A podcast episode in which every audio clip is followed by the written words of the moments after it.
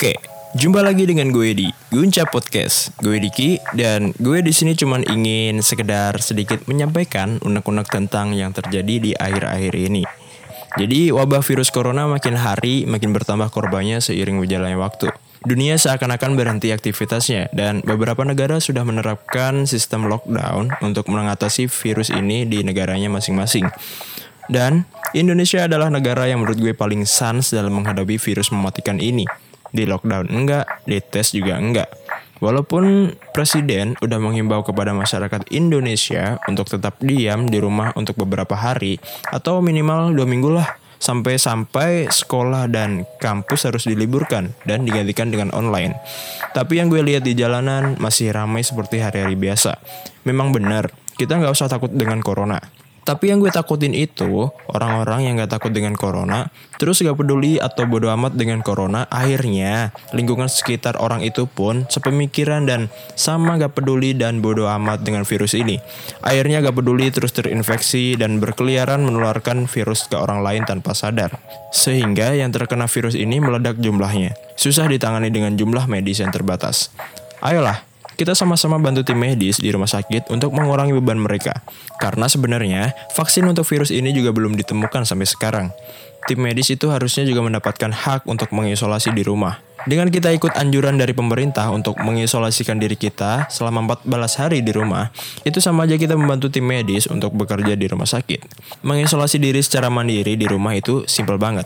Tetap di rumah dan batasi kunjungan. Gunakan lengan dalam jika bersin atau batuk. Selalu cuci tangan, buka jendela untuk sirkulasi udara. Jangan gunakan alat makan bergantian. Cuci peralatan makan dengan sabun, jaga jarak dengan penderita sejauh 2 meter. Gunakan masker dan hindari keramaian jika keluar rumah. Yang penting, jaga kesehatan diri sendiri, jaga kesehatan orang lain. Udahlah, kalau emang gak ada urusan yang penting misalnya berobat, please, di rumah aja, tahan. Sekarang dengerin gue, ini tuh cuma sementara.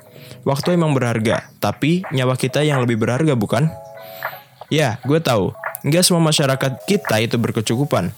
Dan sebagian besar itu menggantungkan hidupnya di luar rumah dan mengharuskan mereka untuk keluar dari rumah mereka. Kalau kata Arif Muhammad, yang mampu oke okay lah, bisa punya privilege untuk itu. Masyarakat yang hidupnya pas-pasan gimana? Boro-boro nyetok sembako untuk bertahan dua minggu di rumah. Untuk makan besok aja, bingung duitnya dari mana. Tentu gue sangat setuju akan pendapat itu.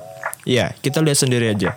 Driver ojol, tukang sapu, pedagang keliling, dan masih banyak pekerja kecil lainnya harus bekerja di luar rumah.